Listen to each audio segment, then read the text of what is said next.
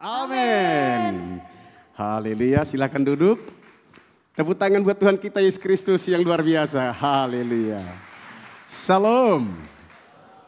Sedang berjumpa dengan Bapak Ibu dikasih oleh Tuhan. Saya ingat lima tahun yang lalu, saya boleh hadir bersama dengan Bapak Ibu. Sebabnya terima kasih buat Bapak Gembala, Bapak Irfan Yonatan yang telah memberi kesempatan dan undangan bagi saya. Saya berdomisili di Toli-Toli di sebuah kota yang kalau kita mau lihat di, di peta itu harus kita pakai kaca pembesar. Baru kita tahu di mana Toli-Toli. Jadi bukan Gunung Sitoli, Toli-Toli itu di Sulawesi Tengah. Ibu kota provinsinya adalah Palu, ya, Palu. Bapak Ibu, saya namanya pendeta Yonatan, jadi sama Yonatan. Yonatan Lamron Sitinjak. Bersyukur pada 11 hari yang lalu Tuhan telah memberikan saya kado di ulang tahun negara kita yang ke-77 seorang putri yaitu cucu. Jadi saya sekarang sudah jadi opung.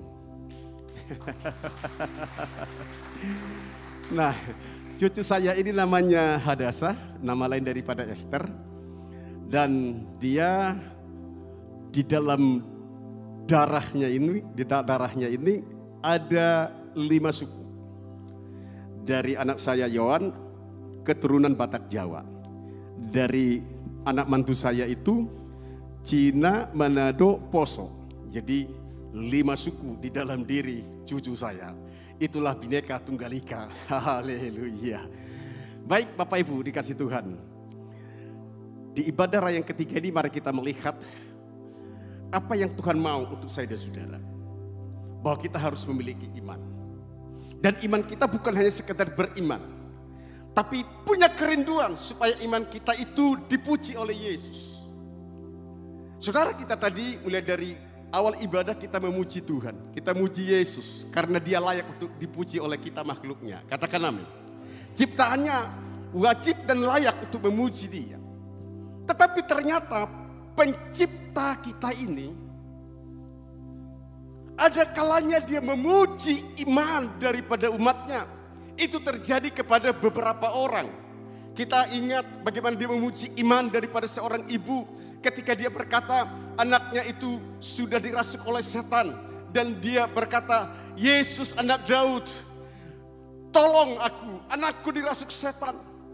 Yesus berkata aku datang hanya untuk orang Israel yang hilang tapi imannya luar biasa. Yesus anak Daud tolong aku anakku dirasuk setan. Dan Yesus bilang begini bahwa tidak patut roti yang dimiliki oleh anak dilempar ke anjing Artinya apa? Ibu ini disamakan anjing oleh Yesus. Apakah kita punya Yesus yang kejam seperti itu? Tidak. Yesus sedang menguji iman daripada ibu ini. Nah, dengar baik. Ketika ibu ini bilang begini, memang benar Tuhan. Tetapi ketika anak itu punya remah-remah yang jatuh, maka layaklah remah-remah itu dimakan oleh anjing. Di situlah Yesus bilang begini, dipuji imannya ibu ini. Hai ibu, besar iman. Kita punya kerinduan supaya suatu saat Yesus memuji iman kita. Siang hari ini kita belajar kepada seorang perwira di mana Yesus memuji imannya. Injil Lukas 7 ayat 1 sampai 10. Menghemat waktu saya masuk kepada ayat emas kita.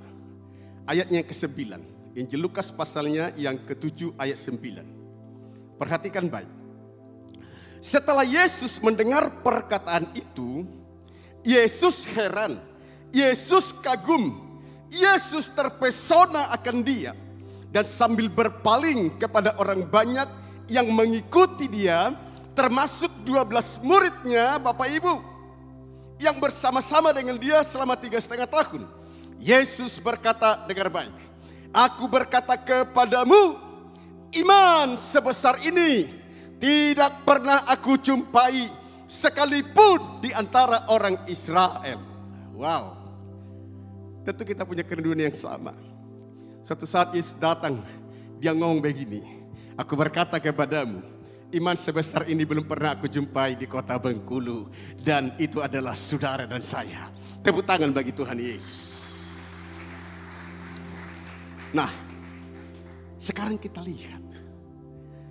Apa yang membuat Yesus memuji iman daripada perwira ini? Tentu itu harus ada dasar daripada Yesus untuk memuji iman daripada perwira ini. Untuk memuji iman saya, untuk diuji, untuk kita dipuji oleh Yesus.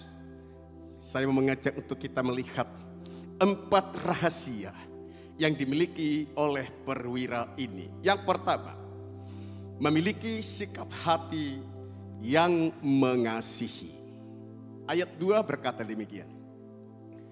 Di situ ada seorang perwira yang mempunyai seorang hamba yang sangat dihargainya. Perhatikan baik. Penekanannya yang sangat dihargainya, yang sangat disayang, yang sangat dikasihi. Hamba itu sedang sakit keras dan hampir mati. Perwira yang punya jabatan, punya pangkat, dan punya hak otoritas. Ternyata dia memiliki hati yang mengasihi. Dia mengaplikasikan ajaran Yesus untuk mengasihi sesamamu seperti dirimu sendiri. Status yang begitu luar biasa jaraknya. Perwira dengan pembantu. Nah, kalau bahasa Batak daripada pembantu itu hatoban. Dengar baik. Ternyata perwira ini begitu luar biasa mengasihi pembantunya ini, mengasihi budaknya ini yang sedang sakit keras dan hampir mati. Sebenarnya sangat tidak masuk akal. Simpel saja sebenarnya bagi perwira ini. Ya udah kalau kau mati banyak pembantu. Banyak hamba-hamba yang bisa aku beli, yang bisa aku gaji. Tapi ternyata itulah yang membuat Yesus kagum kepada perwira ini. Karena dia memiliki hati yang mengasihi, hati yang peduli kepada sesamanya. Apalagi keadaan hamba dikatakan sedang sakit keras dan hampir mati. Yang dilakukan oleh perwira ini adalah apa? Mendatangkan dokter yang paling hebat pada saat itu. Dengan tujuan supaya hambanya ini sembuh. Itu tujuannya. Tetapi upayanya ini nggak bisa. Tidak ada tabib, tidak ada dokter yang bisa menyelamatkan, yang bisa menyembuhkan daripada pembantu yang dikatakan hampir mati. Di ayat yang ketiga kita lihat. Dia mendengar tentang Yesus. Artinya apa? Perwira ini belum pernah berjumpa dengan Yesus. Karena dia adalah orang Roma alias orang kafir pada saat itu. Dia belum pernah bertemu dengan Yesus.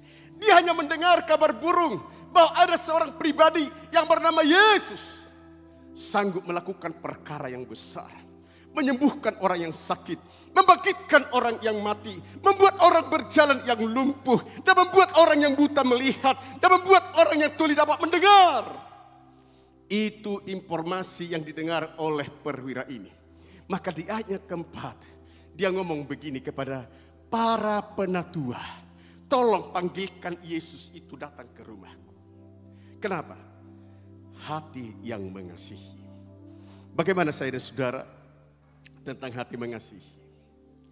Suami-suami masih tak mengasihi istrinya? Suami-suami katakan amin. Jangan waktu kita pacaran, waktu kita bulan madu luar biasa kasihnya ya. Digandeng ke mana-mana gitu ya Apalagi kalau orang berpacaran, wow, suap-suapan gitu makan bakso gitu ya. Tapi adakah kita sampai sekarang masih suap-suapan? Menikah 10 tahun masih tetap juga cintanya seperti waktu pacaran?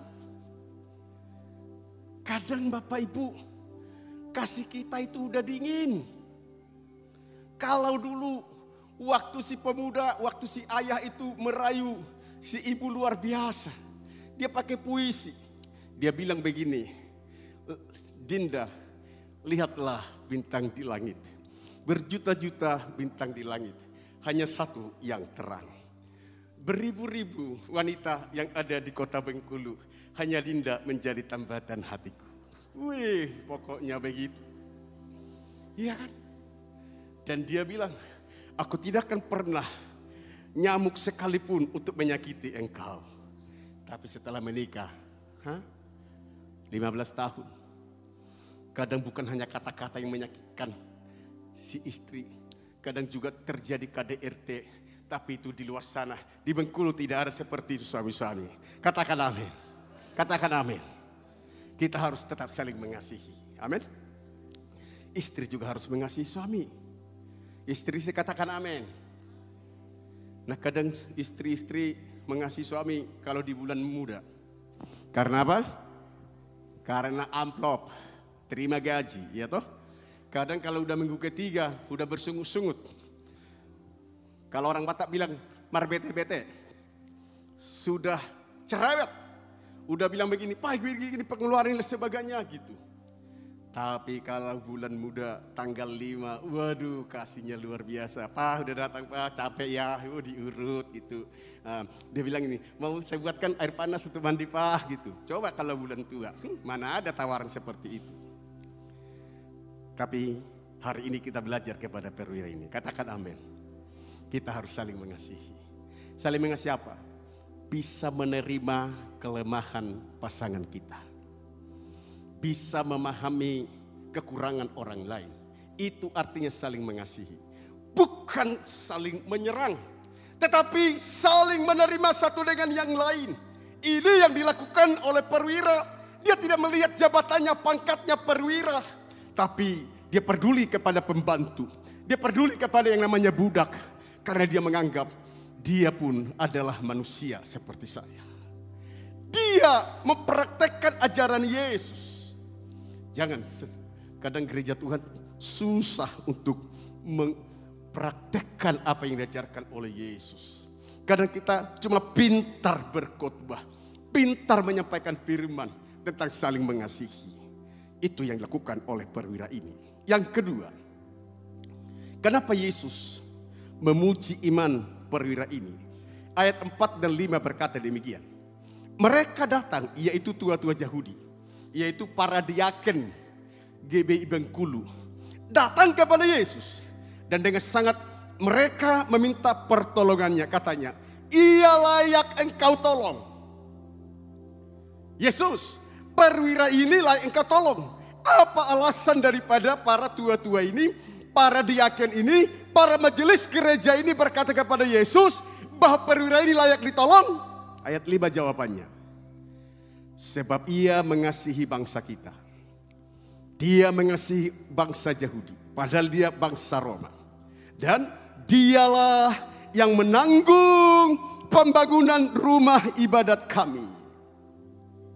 Dialah yang menanggung sinagog di mana kami beribadah. Dialah yang membangun gereja di mana kami beribadah. Dialah yang memfasilitasi pasang AC, beli kursi, pasang monitor, dan juga semua alat-alat musik yang terbaik, dialah yang menanggungnya. Yang ngomong itu para diaken, yang ngomong itu para majelis, yang ngomong itu pengurus gereja datang kepada Yesus. Ia layak engkau tolong. Alasannya apa? Ayat 5. Ialah yang menanggung pembangunan rumah ibadat kami. Yang kedua, memiliki sikap hati yang memberi suka berkorban, murah hati, dan dia membantu tanpa pamrih. Dia tidak melihat agama, dia tidak melihat ras. Itulah yang membuat Yesus kagum, heran akan iman daripada perwira ini. Karena dia membantu dan membangun yaitu gereja. Saudara, tentu setiap kita Tuhan tuntut Bukan hanya kita datang kepada gereja dalam penyembahan seperti yang kita nikmati. Tapi Tuhan mau juga untuk kita juga membawa persembahan kita kepada Tuhan. Yang mengerti katakan amin. Yang mengerti katakan amin. Makanya Daud bilang begini. Bukan dengan tangan kosong aku datang kepada Tuhan. Yang mengerti katakan amin. Jadi kita harus berkorban untuk pekerjaan Tuhan. Bukan hanya membawa kolekte. Tapi ketika ada suatu saat tantangan daripada gereja untuk kita melakukan proyek kerajaan Allah, entah itu membangun gereja, entah itu pengadaan fasilitas, maka Bapak Ibu harus ikut ambil bagian. Yang setuju katakan amin. Itu yang dilakukan oleh perwira ini. Dia memberi padahal gereja yang dia bangun bukan dia yang duduk manis di kursi yang dia beli. Bukan dia yang menikmati alunan musik yang dia beli. Bukan dia menikmati nyamannya AC yang dia pasang. Saya dan saudara. Saya dan saudara. Tapi kita belajar kepada perwira ini. Bahwa dia berkorban untuk membangun pekerjaan. Ayo kita mulai peduli kepada orang-orang yang butuh bantuan. Kepada mereka yang hina, kepada mereka yang miskin, kepada mereka yang butuh pertolongan. Mereka butuh per uluran tanganmu. Mereka butuh seperti perwira ini. Ketika dia lihat ada gereja yang mangkrak dibangun, dia ringan tangan. Dia drop dananya. Dia hubungi toko bangunan dan dia berkata, tolong drop semen 100 sak. Tolong tolong drop seng, tolong drop sebuah kebutuhan gereja yang aku tahu di sana belum selesai pembangunannya. Kira-kira seperti itu Bapak Ibu yang dimiliki oleh perwira ini. Memiliki hati yang suka berkorban. Bagi saya dan saudara, Yesus telah berkorban untuk menebus dosaku. Yesus telah memberikan nyawanya untuk menebus dosamu. Katakan amin. Dan kita, pantaslah kita untuk menopang pekerjaan Tuhan. Pantaslah kita untuk mempraktekkan ajaran Yesus. Maka Yesus bilang begini. Ketika aku lapar, engkau beri aku makan. Ketika aku telanjang, engkau berikan aku pakaian. Ketika aku di penjara, engkau bersuka. Ketika aku, ketika aku sakit, engkau melawat aku. Dan orang-orang yang melakukan itu berkata, kapan itu Tuhan kami lakukan? Yesus bilang begini, adalah ketika engkau melakukan itu kepada orang-orang yang hina dan dini ini. Engkau melakukannya itu bukan kepada mereka, tetapi kepadaku. Mari di paradigma yang baru ini, kita akan memahami bahwa apa yang kita lakukan adalah untuk mempermuliakan Tuhan. Maka terus tingkatkan hati yang suka berkorban, hati yang suka memberi, hati yang peduli buat pekerjaan Tuhan. Proyek Allah adalah proyek mega proyek yang besar. Dan saya dan saudara, gereja Tuhan, jemaat Tuhan, diminta untuk kita menuntaskan manat agung. Bukan hanya kata-kata, tetapi ada suatu tindakan seperti daripada perwira ini. Saya percaya, suatu saat Bapak Gembala kita tentu punya mimpi supaya punya gereja yang permanen. Katakan amin. Dan apabila itu nanti sudah mulai diwujudkan, maka semua jemaat harus mendukung dan mengambil bagian terlibat untuk pembangunan kerajaan Allah. Yang setuju tepuk tangan. Kita nantikan supaya satu saat GB Bengkulu Rayu 13 punya gereja tersendiri seperti Daud bermimpi dan berkata, aku akan membangun rumah Allah yang mewah dan itulah saya percaya itu menjadi mimpi daripada Bapak Gembala kita yang harus didukung. Bukan hanya para pengurus pengerja, para diaken, tapi semua jemaat yang tertanam di GBI ini. Yang ketiga, kenapa Yesus memuji iman daripada perwira ini? Yang ketiga, ayat 6 dan 7a. Lalu Yesus pergi bersama-sama dengan mereka Ketika ia tidak jauh lagi dari rumah perwira itu, perwira itu menyuruh sahabat-sahabatnya untuk mengatakan kepadanya, Tuhan, janganlah bersusah-susah. Sebab aku tidak layak menerima Tuhan di dalam rumahku. Sebab itu, aku juga menganggap diriku tidak layak untuk datang kepadamu. kalau kita perhatikan ayat 6 dengan ayat 3 itu seolah-olah bertolak belakang. Di ayat 3 justru perwira ini datang kepada para tua-tua, para penatua, para diaken, para majelis. Tolong panggilkan Yesus supaya dia mencamah dan tumpang tangan kepada hambaku yang sedang sakit keras ini. Lihat ketika Yesus meresponi di ayatnya yang kelima dan ayatnya yang keenam.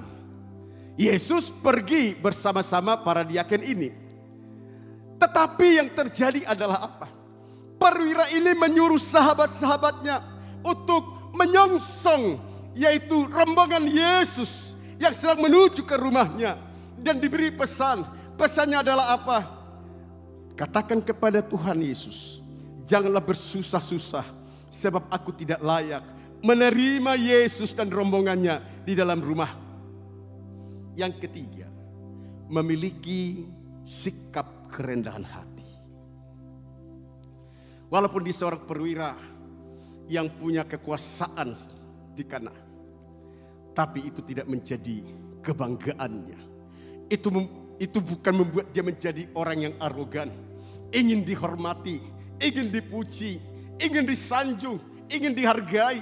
Tapi justru dia ngomong, aku tidak layak menerima Tuhan di rumahku. Pernahkah Bapak Ibu berpikir, kenapa sampai perwira ini berkata dia tidak layak menerima rombongan Yesus? Apakah rumah perwira ini adalah BTN yaitu RSSSSS? Tidak. Tidak mungkin. Apalagi dia perwira. Di Toli-Toli, Kapolres sempat jadi jemaat kita dan juga Pak Waka. Kapolres itu punya kediaman yang dijaga empat ajudannya.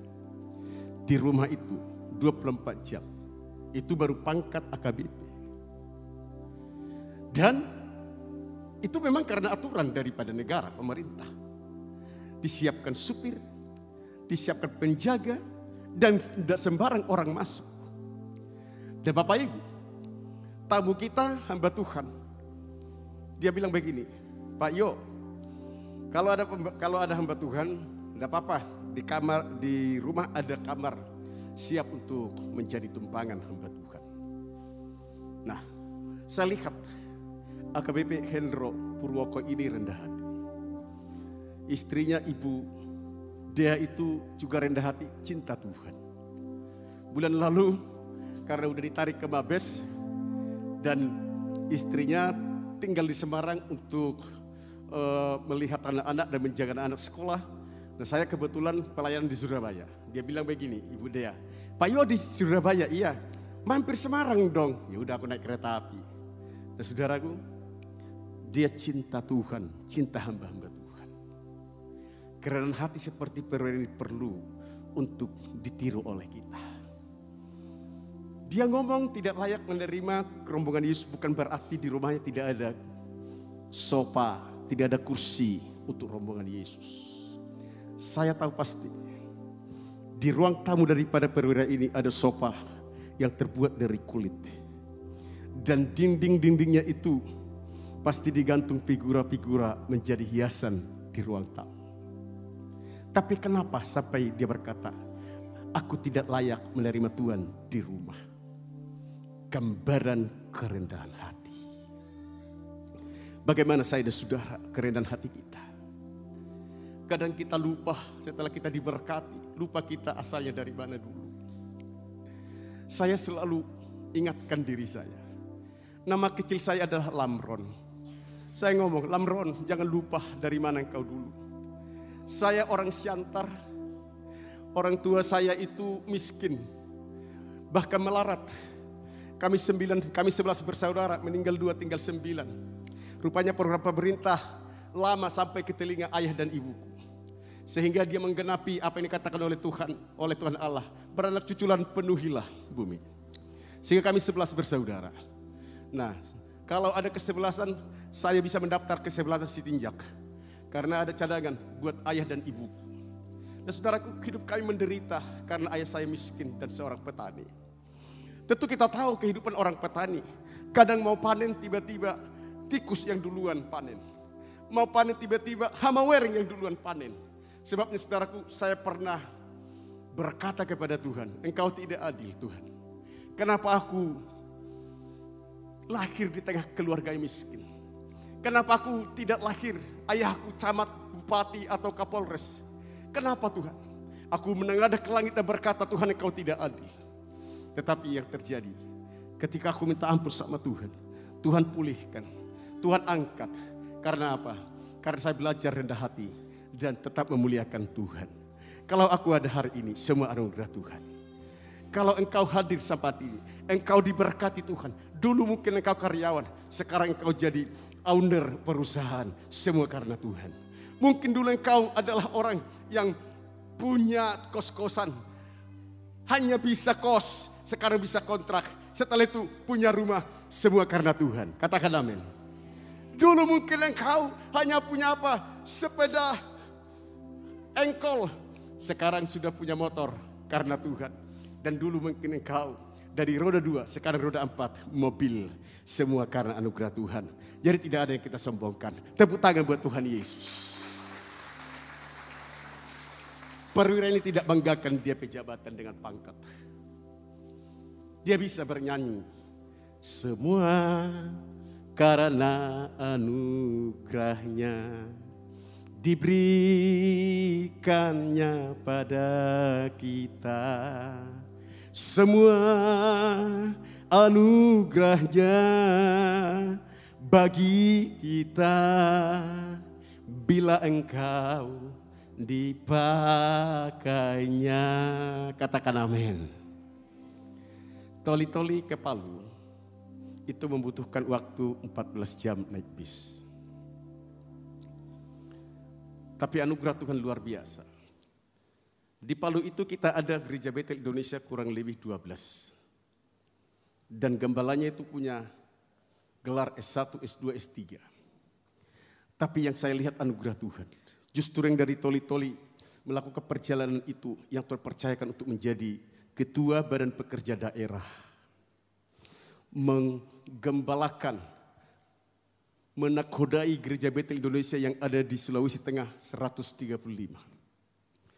Ternyata Tuhan tidak cukup hanya memberikan saya satu periode. Dia tambahkan satu periode lagi. Ternyata itu Tuhan tidak cukup juga. Ditambahkan lagi hampir satu periode. Saya Tuhan percayakan untuk menakodai gereja Betel Indonesia di Sulawesi Tengah. 11 tahun. Kurang satu tahun tiga periode. Ternyata karena aturan tata gereja kita tidak boleh hanya dibatasi dua periode. Maka saya harus lego untuk memberi kesempatan kepada orang lain. Apakah Tuhan berhenti sih? Tidak ternyata. Tuhan masih beri aku kesempatan sampai hari ini menjadi anggota MPL. Penasehat di BPD. Nah, semua karena Tuhan. Katakan amin. Semua karena Tuhan. Tuhan bisa bawa saya menjadi berkat termasuk ke Bengkulu. Sahabat saya, kapan ke Bengkulu lagi Pak Jonathan? Pasti tinjak katanya. Karena kita memang udah dibatasi oleh corona tuh. Saya bilang, kita doalah Kuapu. Nanti kalau ada kesempatan saya hubungi. Saya hubungi. Kuapu kita sidang MPL di Bali. Kalau memang belum ada tamu, tanggal 28 saya bisa datang ke Bengkulu. Senang dia. Oke, kita tunggu. Itu sebabnya saya ada di sini karena Tuhan bukan karena kegagahan. Lihat, kalau engkau lihat mujizat dan engkau diangkat Tuhan, miliki kerendahan hati.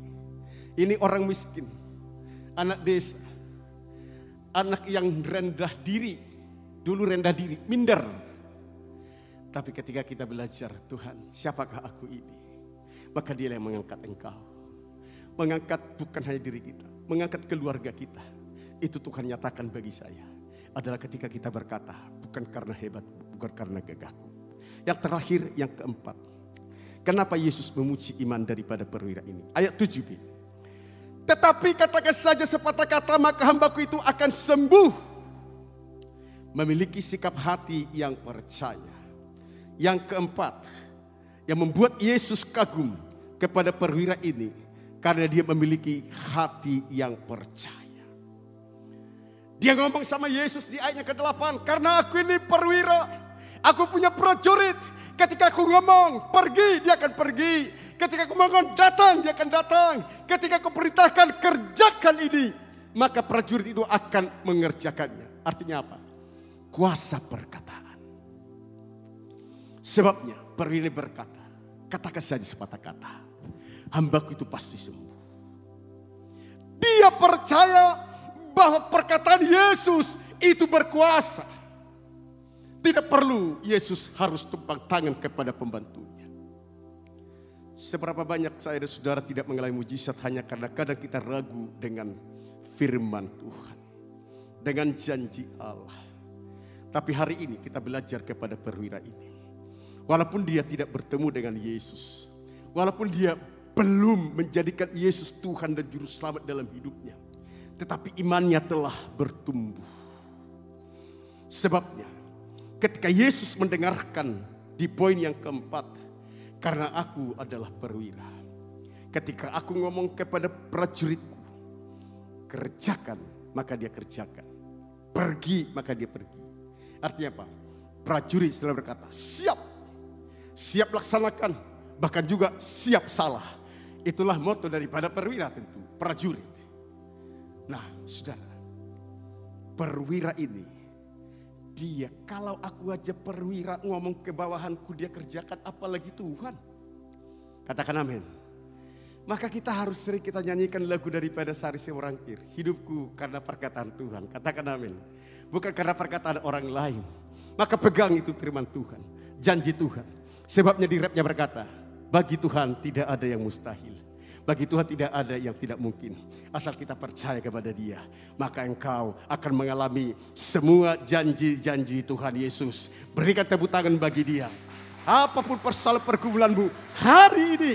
Baik dalam pekerjaan, baik dalam rumah tangga, baik dalam pelayanan. Percayalah Yesus tidak pernah tinggalkan engkau. Dia peduli kepada engkau. Kalau perwira ini aja peduli kepada sesamanya. Apalagi Tuhan yang menciptakan saya dan saudara.